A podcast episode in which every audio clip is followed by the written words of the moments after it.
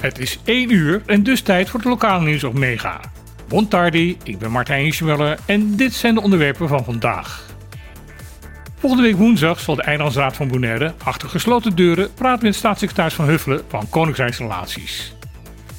Volgens de website Dossier Koninkrijksrelaties was dit nieuws te lezen in een bericht op de Facebookpagina van de Eilandsraad.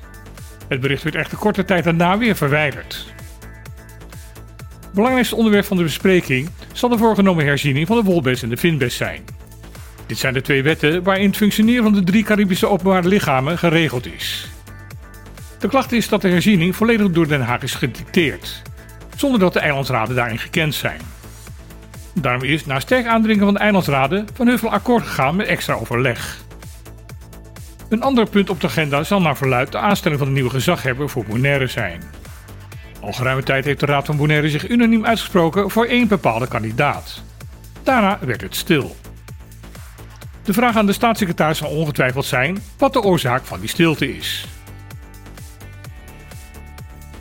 Vaak wordt er gezegd dat de geelschouder Amazonepapegaai, beter bekend als de Lora, een vogel is die alleen op ons eiland voorkomt.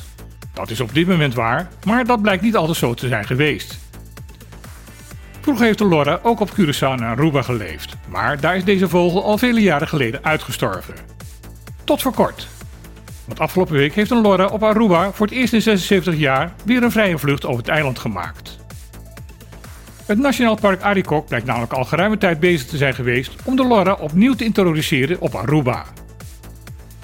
Daarvoor moest er stiekem een aantal vogels het eiland opgesprokkeld worden, omdat in- en uitvoeren van Lora's op alle drie de benedenwindse eilanden officieel verboden is. Als leefgebied voor de Lora is er bewust gekozen voor het Nationaal Park. Hier kunnen de dieren het beste worden beschermd tegen onder andere stroperij. De belangrijkste oorzaak waarom de Lora 76 jaar geleden van Aruba is verdwenen. Niet alleen op de Bes-eilanden leeft een groot gedeelte van de bevolking in armoede. Ook op het buureiland Curaçao moet 31% van de bevolking het doen met een inkomen waar ze niet van kunnen rondkomen. Dat blijkt uit een advies dat de Sociaal-Economische Raad van Curaçao onlangs heeft gegeven. De SER kwam met het advies naar aanleiding van de verhoging van het minimumloon op Curaçao per 1 januari. In het advies is te lezen dat de SER eens is met de verhoging van het minimumloon, maar dat deze maatregel belangen na niet voldoende is om de ruim 46.000 mensen die onder het bestaansminimum zitten een beter leven te garanderen. Het advies van de SER aan de regering is om het daarom niet te laten bij een eenmalige loonsverhoging, maar om met een heel pakket van maatregelen het leven van de burgers op Curaçao te verbeteren.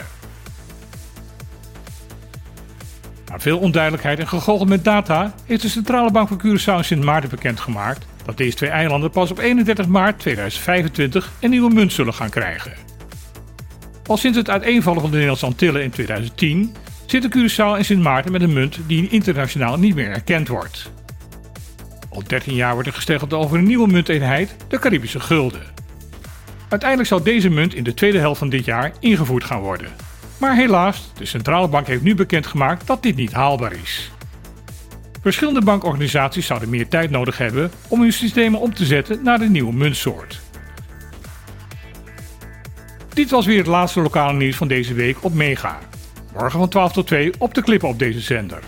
Dus stem je radio op die tijd af op FM of kom langs in Club.